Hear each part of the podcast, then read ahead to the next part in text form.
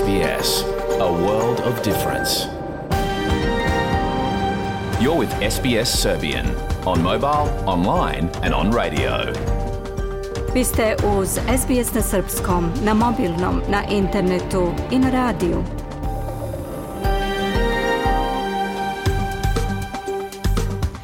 SBS odaje priznanje tradicionalnim vlasnicima zemlje sa koje danas emitujemo program na srpskom.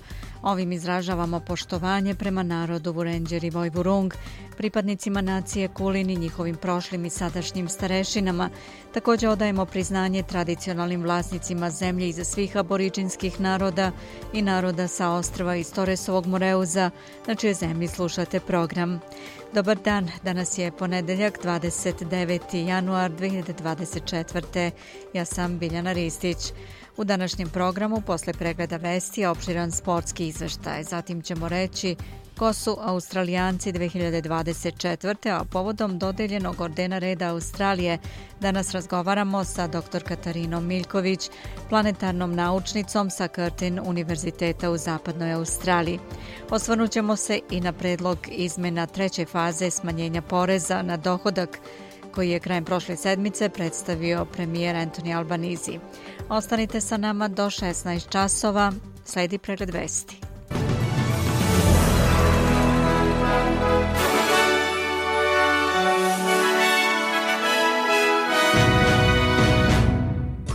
Novi Južni Vels će izričito zabraniti upotrebu nacističkog pozdrava, najavio premijer Minc.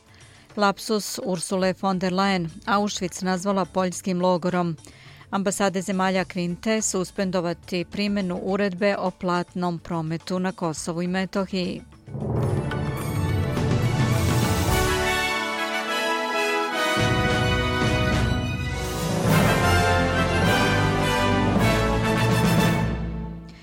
Novi Južni Vels će izričito zabraniti upotrebu nacističkog pozdrava nakon što su beli suprematisti organizovali seriju demonstracija u Sidneju tri dana uzastopno. Premijer Chris Minns pohvalio je policiju koja je prekinula skupove i izdala naloge za održavanje javne bezbednosti, ali kaže da će zakoni morati da budu striktniji. Dok je nacistički simbolizam zabranjen u Novom Južnom Velsu, za razliku od Viktorije, ipak ne postoji zakon koji eksplicitno zabranjuje upotrebu nacističkog pozdrava. Gospodin Mins je rekao da će njegova vlada, ako trenutni zakoni nemaju adekvatne sankcije za ono što se dogodilo tokom vikenda, predložiti novi zakon kojim će se to učiniti ilegalnim. Savezna ministarka za pitanja radnika Tanja Plibersek rekla je za Kanal 7 da neonacističke demonstracije podgrejavaju mržnju. A number of states are proposing to toughen their own approaches as well. Izvestan broj država također predlaže pooštravanje svoga pristupa. Bezbednostne agencije su nam jasno stavile do znanja da porast desničarskog ekstremizma predstavlja veoma ozbiljnu pretnju u Australiji. Tako da što god možemo da uradimo na nivou Commonwealtha ili državnom nivou, trebalo bi to i da uradimo. Ovakva ideologija nema mesta u Australiji. Mislim da je posebno užasno što su ove grupe izabrale ovaj vikend između Dana Australije i Dana sećanja na holokaust, rekla je Plibersek. Federalni blagajnik Jim Chalmers kaže da vlada ne razmatra bilo kakve promjene u programu poznatom kao negativ gearing u okviru treće faze porezkih reformi koji će stupiti na snagu u julu, pošto je vlada prošle sedmice objavila da su inflacija i pojačani pritisci troškova života uticali na odluku da promeni način preraspodele sredstava kako bi već u korist od porezkih olakšica imali građani sa nižim i srednjim zaradama. We have made welcome and encouraging progress Postignut je ohrabrujući napredak u borbi protiv inflacije, ali misija nije ispunjena jer su ljudi i dalje pod pritiskom. Zato predviđamo veće smanjenje poreza za veći broj ljudi, a bez dodatnih inflatornih pritisaka na ekonomiju, rekao je Chalmers. O ovoj odluci vlade opširnije i kasnije u programu. Naknade za brigu o deci su rasle brže od inflacije i plata od kada su uvedene poreske olakšice koje su imale ograničen uticaj u vršenju pritiska na smanjenje cena. Konačni izveštaj Australijske komisije za zaštitu konkurencije na tržištu i prava potrošača o istrazi o brizi o deci koji je danas objavljen pokazuje da su subvencije generalno smanjile dodatne troškove poredičnog budžeta u svim prihodovnim grupama a nezavisna senatorka Jackie Lambie smatra da bi vlada trebalo više da uradi po pitanju rasta životnih troškova. I think governments really need to make some really big decisions, but um, certainly those power prices... Pozdravljajući objavu vlade da će Australijska komisija za fair odnose na tržištu i prava potrošača voditi jednogodišnju istragu o sektoru supermarketa i koliko zarađuju od preprodaje sveže hrane, ona je za Kanal 9 rekla da treba uraditi više za građane koji se bore na više frontova sa skupoćom, uključujući smanjivanje računa za energiju. Slušate SBS na srpskom 15 časova i 6 minuta je. Severna Koreja je lansirala više krstarećih raketa sa lokacije na svojoj istočnoj obali, saopštila je južnokorejska vojska. Nije precizirano koliko je raketa lansirano, ali je navedeno da je povećana budnost južnokorejske vojske i nadzor severnokorejskih vojnih aktivnosti, kao i da se u saradnji sa američkim vojnim snagama analiziraju najnovija raketna testiranja Severne Koreje, prenosi agencija Reuters. Agencija navodi da Severna Koreja intenzivira konfrontiranje sa Vašingtonom i njegovim saveznicima, ali da zvaničnici u Sjedinjenim državama i Južnoj Koreji tvrde da nisu primetili nikakve naznake da Pyongyang namerava da preduzme vojne akcije. Vojni analitičari predviđaju da će nakon što je napravio iskorak u razvoju balističkih raketa, ojačao saradnju sa Rusijom i odbacio svoj višedecenijski cilj mirnog ujedinjenja sa Južnom Korejom, Kim Jong-un i njegova vlada verovatno nastaviti ili čak povećati broj provokativnih vojnih aktivnosti, navodi agencija Reuters. Generalni sekretar Ujedinjenih nacija Antonio Guterres saopštio je da će krivično odgovarati svaki zaposleni Ujedinjenih nacija umešan u akte terora posle optužbi da je nekoliko radnika humanitarne agencije Ujedinjenih nacija na neki način učestvovalo u napadu Hamasa 7. oktobra na jug Izraela. Od 12 umešanih u taj napad, koji je rezultirao izraelskom vojnom operacijom u pojasu Gaze, Sa njih devetoro je raskinut ugovor, za jednog je potvrđeno da je mrtav, a identitet preostalo dvoje se još utvrđuje, navodi se u saopštenju Gutereša. Guterres istovremeno apelovao na vlade da nastave podršku agenciji posle odluke devet zemalja, uključujući Australiju, da privremeno obustave finansiranje te agencije Ujednjih nacija koja pomaže palestinskim izbeglicama. Tim pozivima se pridružio i palestinski premijer Mohamed Stajeh, ističući da je ta agencija glavni snabdevač hranom, vodom i da daje zaštitu civilima tokom rata. Tri američka vojnika su poginula, najmanje 30 je povređeno u napadu dronom tokom prošle noći na manju američku bazu u Jordanu blizu granice sa Sirijom, što su prvi američki gubici od neprijateljskog delovanja na Bliskom istoku od početka rata u Gazi. Jordan je osudio taj napad ističući da sarađuje sa Sjedinjenim državama kako bi osigurao svoje granice i borio se protiv terorizma. Američki predsjednik Biden optužuje militante koje podržava Iran za taj napad, a mnogi analitičari vide događaj kao moguću eskalaciju sukoba. Pakistanska policija ispalila je suzavac na skup podrške bivšem premijeru Imranu Kanu, koji je sprečen da se kandiduje na predstojećim izborima u zemlji 8. februara. Oko 30 ljudi je prema izveštajima uhapšeno. Gospodin Kan je u zatvoru nakon što se posvađao sa vodećim generalima, a njegova stranka se suočava sa, kako analitičari smatraju, obračunom uz podršku vojske.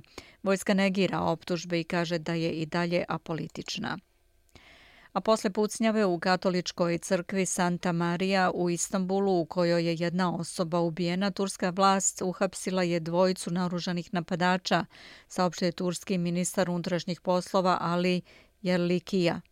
Motiv napada turske vlasti nisu saopštile, a nije poznat ni identitet osumnjičenih. Odgovornost za napad preuzela je islamska država, kako su saopštile na Telegramu, Iz te agencije to je bio odgovor na njihov poziv da se ciljaju jevreji i hrišćani. Kandidat desnog centra Aleksander Stub iz Finske nacionalne koalicijone partije pobedio je u prvom krugu predsjedničkih izbora u Finskoj uz podršku od 28,3 od birača, pokazuju podaci tamošnjeg ministarstva pravde, a nakon zatvaranja birališta. Drugoplasirana je Peka Hevisto iz Liberalne zelene partije sa 25,8% glasova. Sledi Jussi Halaho iz nacionalističke finske partije sa 16,1%, pokazuju podaci na osnovu 61,3% prebrojanih glasova. Drugi krug u kome će učestvovati dvojica prvo rangiranih bit će održan 11. februara, budući da je izvesno da nijedan kandidat neće dobiti više od 50 od 100 glasova. Finska bira novog predsjednika koji će voditi spoljnu i bezbednostnu politiku zemlje u njenoj novoj ulozi u NATO-u, nakon što je raskinula sa neutralnošću da bi se pridružila Severnoatlantskom odbranbenom savezu kao odgovor na ruski napad u Ukrajini. Burne reakcije u Poljskoj zbog greške koju je na društvenim mrežama napravila šefica Evropske komisije Ursula von der Leyen, koja je napisala da je Auschwitz bio poljski logor, da bi kasnije izmenila objavu i napisala da je reč o logoru nacističke Nemačke, prenosi Associated Press. Port parola Evropske komisije Christian Vigand nije odgovorio na zahtev za komentar niti se javljao na telefon. Na objavu je reagovao bivši poljski ministar spoljnih poslova Radoslav Sikorski. Kada se govori o nacističkim logorima za istrebljenje u Auschwitzu, treba se naglasiti da su uspostavljeni pod nemačkom okupacijom, napisao je on na nalogu X. Ističe da informacija koju je objavila predsjednica Evropske komisije mora biti razjašnjena. Međunarodni dan sećanja na žrtve holokausta obeležen je kod spomenika žrtvama genocida u drugom svetskom ratu na starom sajmištu u Beogradu. Vence kod spomenika žrtvama genocida u drugom svetskom ratu položili su predstavnici vlade, diplomatskog kora i udruženja jevreja i Roma. Međunarodni dan sećanja na žrtve holokausta obeležava se od 2005.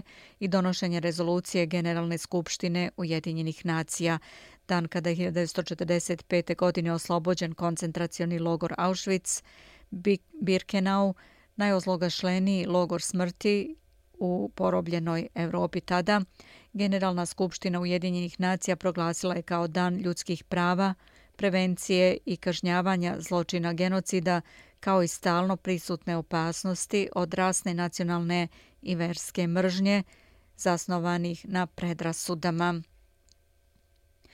Ambasade zemalja Kvinte, Francuske, Nemačke, Italije, Ujedinjenog kraljevstva i Sjedinjih država u Prištini su pozvale na suspenziju primene uredbe Centralne banke u Prištini prema kojoj je od 1. februara evro jedino sredstvo za obavljanje gotovinskih platnih transakcija.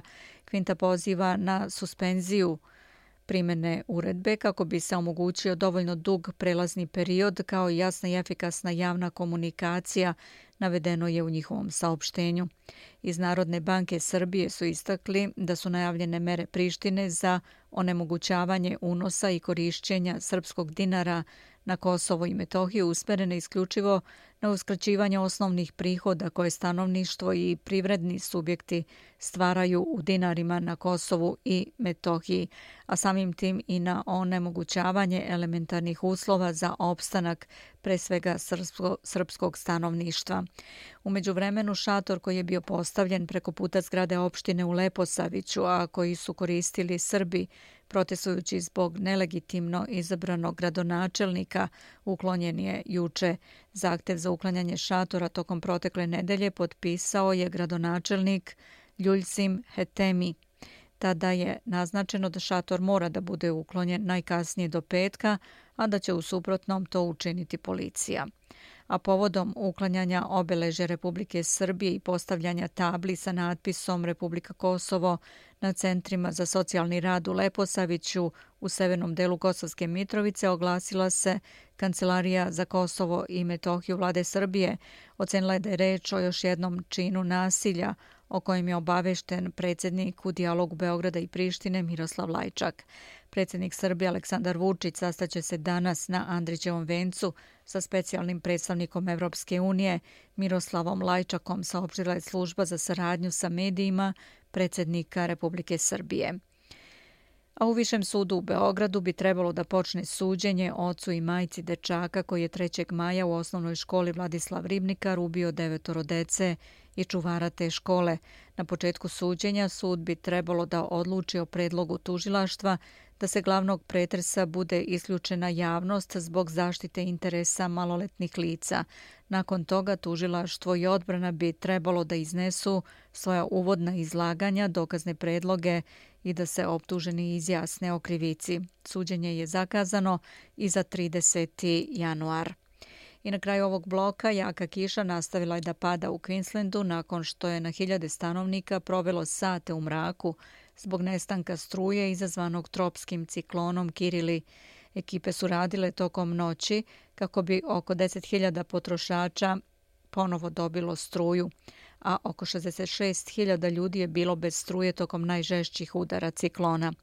Biro za meteorologiju saopštava da su delovi države i dalje izloženi riziku od jake kiše i poplava, dok se Kirili kreće preko severnog unutrašnjeg dela države. Centralni i južni Queensland bit će u većoj opasnosti od iznenadnih poplava početkom nedelje, kao i delovi severnog Novog Južnog Velsa, pošto se tropska niska struja kreće niz obalu. Da pogledamo i kolika je vrednost australijskog dolara danas. Prema američkom vradi, vredi 66 centi, 61 euro cent, 52 britanska penija i 70 srpskih dinara, 92 pare. Na kraju pregleda vesti da pogledamo vremensku prognozu tokom popodneva. U Pertu vetrovito vreme sa 28 stepeni, Adelaida sunčano 30, u Melbourneu trenutno 28, također sunčano. Pretežno sunčano je u Hobartu sa 24, sunčano u Kamberi i Sidneju sa 31, kiša u Brisbaneu 27 i u Darwinu 29. U Beogradu tokom dana većinom sunčano do 6 stepeni. Slušali ste pregled vesti na srpskom. Za sve najnovije posjetite sbs.com.au kosacrta news.